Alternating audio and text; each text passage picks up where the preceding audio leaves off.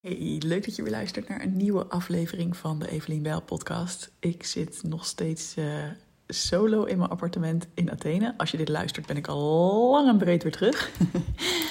maar uh, ik neem dit op op de zondag dat ik nog in Athene ben.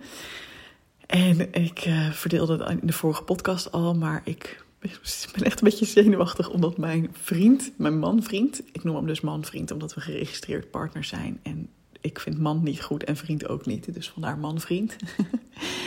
eh, Alwin is nu de marathon aan het rennen en hij is nu ongeveer halverwege.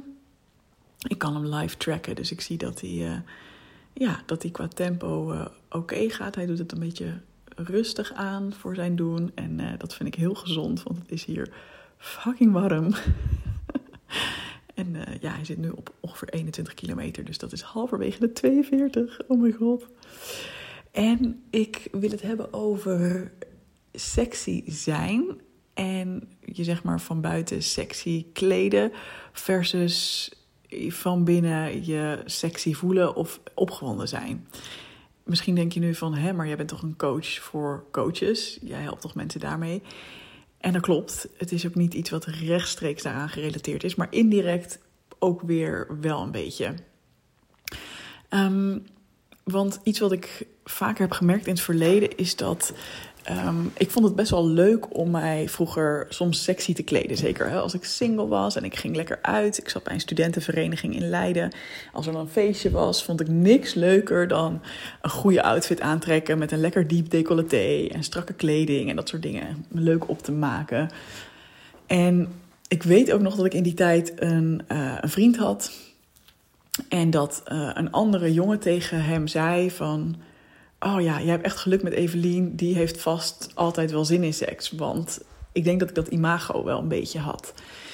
Um, want hij had blijkbaar een relatie waarin er niet zoveel seks was. En mijn vriend destijds dacht, nou je moest eens weten.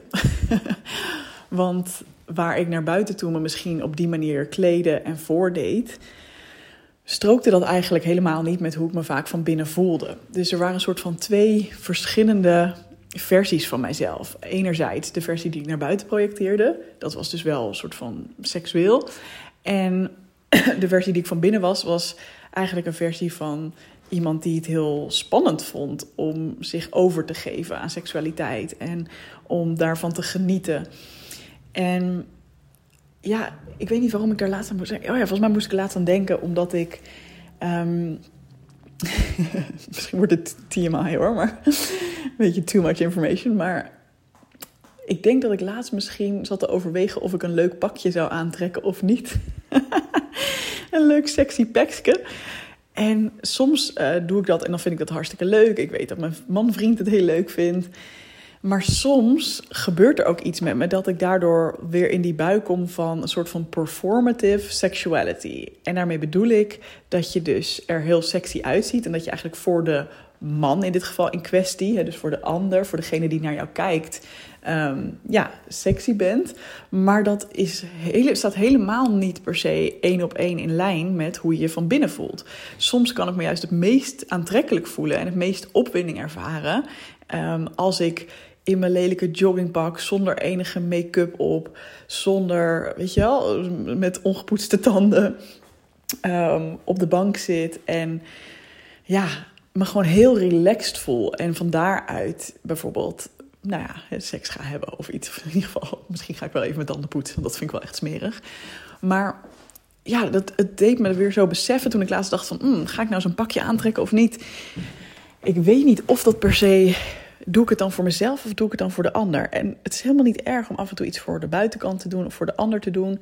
En soms kan het je juist ook in een bepaalde mood brengen, omdat je denkt: ja, lekker, leuk, ik heb hier zin in. Je ziet jezelf in de spiegel en dat je dat dan ook, ja, dat het een boost geeft, zeg maar. En ook de reactie van de ander kan jou ook weer een boost geven. Maar heel vaak ja, het kan voor mij ook zo zijn dat het dan een soort van doorschiet in... oh, nu moet het helemaal kloppen en dan moet ik alles netjes geschoren hebben... en dan moet mijn make-up erop zitten en dan moet ik lenzen in hebben. En dan wordt het een soort van rijtje taken die ik ga uitvoeren... puur eigenlijk voor die ander. In plaats van dat ik in mijn lijf voel... oh, wat voelt het fijn om aangeraakt te worden? Of weet je wel, waar verlang ik zelf naar? En waarom ik er ook aan moest denken is omdat um, ik het ook wel relateer aan uh, buitenkant versus binnenkant. En uh, een showtje opvoeren versus echt van binnen, ja, hoe zeg je dat? Dat, dat, dat je leven leidt wat klopt met je waarde van binnen. Um, en ik moest daar ook aan denken, omdat ik laatst uh, de Boos aflevering zag. Die ging over Helle Huizinga. Nou, Boos ken je misschien wel. Dat is dat, um, ja, de YouTube-serie die gemaakt wordt door Tim Hofman en zijn team. Waarin ze dan uh, iets aan de kaak gaan stellen wat niet klopt. Hè. Dus er is iemand benadeeld, er is iets niet goed gegaan. En dan gaan zij verhaal halen. En in dit geval was dat dus dat ze verhaal gingen halen bij Helle Huizinga. En zij is een van de um, Real Housewives of Amsterdam ik kende haar zelf ook niet echt hoor. Ik volg wel een bepaalde uh, YouTuber, Masha Feoktistova. Beauty Gloss heet hij. Uh, die volg ik wel zo af en aan een beetje. En dan af en toe heb ik wel eens die Hella in vlogs van haar voorbij zien komen. Want het is een vriendin van haar.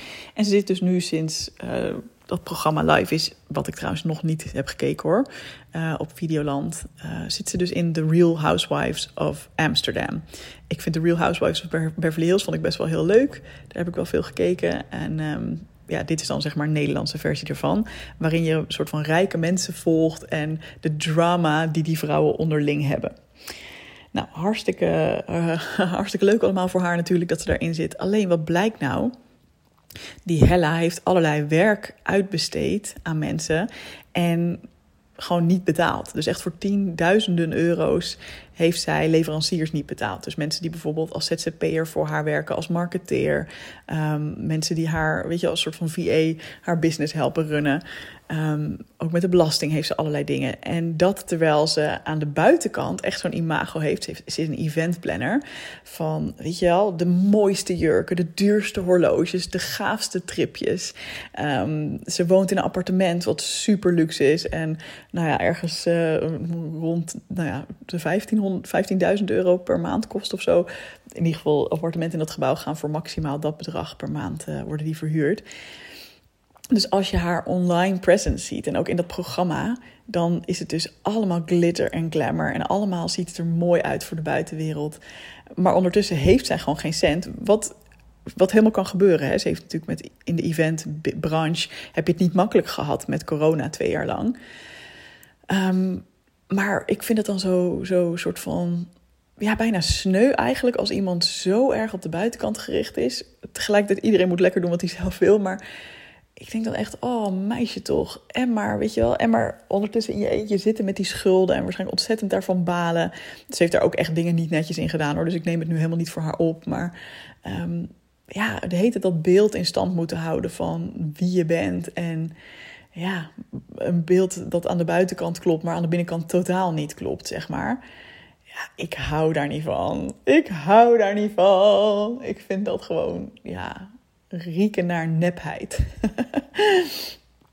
dus daar moest ik ook een beetje aan denken. En um, ja, ik denk dat iedereen daar ook weer zijn eigen weg in mag vinden. En ja, wat ik wel merk is als ik bijvoorbeeld me mooi aankleed of als ik een fotoshoot doe waar ik er leuk uitzie, ik, ja, ik word daar echt wel blij van. Dus het is ook weer niet.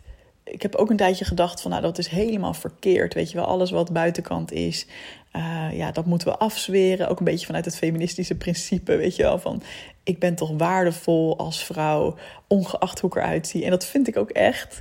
Maar ik heb ook wel weer dat ik het dus leuk vind om iets leuks te dragen en me leuk aan te kleden. En ja, het voelt alleen niet meer zo alsof dat het enige is wat er mag zijn. Dus daarom kies ik er ook nog steeds bewust voor om ook mijn onopgemaakte hoofd met mascara onder mijn, onder mijn ogen, weet je wel, om dat te laten zien op Instagram. En ja, het gaat natuurlijk niet alleen over dat plaatje, maar ook wat laat je zien van je binnenkant. Hè? Van laat je alleen de mooie dingen zien of de dingen die opgelost zijn, of durf je ook wel dingen te delen die al, ja, die lastig zijn in het moment. Um, ja, ik probeer er altijd wel over na te denken van hoe doe ik dat? Want ik wil, het laatste wat ik wil is een soort van een zeik-account worden. Hè? Dus ook als je, dat je mij, mijn dingen voorbij ziet komen, dat je denkt, oh het is alweer ellende bij Evelien. Nou, dat wil ik helemaal niet. Maar um, ja, eerlijkheid vind ik wel heel belangrijk. Dus nou, ik, dat wilde ik gewoon even met je delen, deze overwegingen.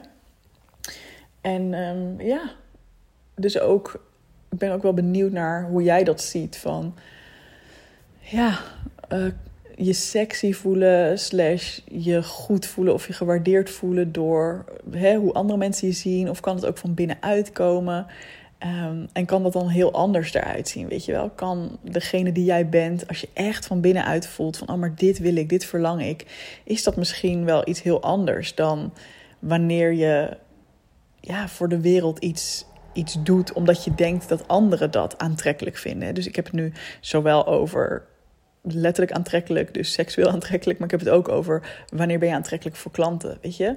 Is dat misschien ook, eh, heb je daar ook het idee dat er een soort van laagje overheen moet, een soort van professioneel laagje of een zakelijk laagje of ja, of mag je gewoon helemaal natuurlijk komen opdagen zoals jij bent? Natuurlijk is het slim om over bepaalde dingen na te denken, maar ook gewoon er echt zijn als mens en ja, daarmee juist aantrekkelijker worden dat is misschien wel het mooiste om mee af te sluiten. Is dat ik heb gemerkt dat de meest aantrekkelijke momenten die ik met iemand heb, om maar even zo te zeggen, zijn juist ook die momenten dat ik het heel erg voel van binnenuit. Weet je wel? En het zijn niet altijd die momenten dat ik er het mooiste uitzie van buiten. Soms kan dat samenvallen, maar meestal is dat niet zo. Meestal is het juist als ik heel erg in mijn lijf zit en dat voel. En van daaruit de verbinding aanga in de slaapkamer met mijn partner. Is dat veel opwindender dan, dan die momenten dat ik het echt puur op, van de buitenkant moet hebben, zeg maar. Ja, en ik heb dus ook gemerkt dat ook voor klanten dat geldt. Ehm, hoe leuk om te... Ik ben een sekswerker blijkbaar. Ik trek even deze link tussen seksueel aantrekkelijk zijn en aantrekkelijk zijn voor klanten. Maar ik denk dat er wel een overlap in zit van als ik echt van binnenuit dingen deel die voor mij goed voelen. Ehm, ja, waar niet een heel laagje omheen zit van, oh, wat vind jij dan van mij? Dit vind jij vast leuk om te horen of dit vind jij vast cool. Maar dat het echt mijn diepste waarheid is, waarvan ik van binnen ook een verlangen voel om het te delen. Ja, dan maak ik vaak veel meer verbinding en vinden klanten mij ook uh, sneller, zeg maar. Komen klanten sneller op mijn pad. Ik ben heel benieuwd naar jouw gedachtenspinsels hierover. En of je dit ook herkent, zo'n verschil tussen wanneer je het voor de buitenkant iets doet en wanneer je iets vanuit binnenuit doet. En uh, ja, ik zou het heel leuk vinden om dat van je te horen. Dus dat mag je altijd met me delen op mijn Instagram. Daar ben ik Evelien. En zoals altijd zou ik het super leuk vinden als je je abonneert op deze podcast. Als je een review achterlaat met wat je eraan hebt. En als je ook nog vijf sterren wil geven, is dat helemaal te gek. En wie weet heb je ook wel een aflevering waarvan je denkt: Oh, die wil ik graag met iemand delen. Dus dat kan natuurlijk altijd op je stories. Als je mij dan tagt, dan uh, geef ik je heel veel liefde. Maar het kan ook gewoon even in een appje zijn naar iemand van: Hey, ik moest hier aan denken. Misschien ook wat voor jou. Uh, op die manier uh, help je mij ook om de podcast verder te verspreiden. Dus dat zou ik super, super lief van je vinden. Dank je wel weer voor het luisteren en heel graag tot de volgende podcast.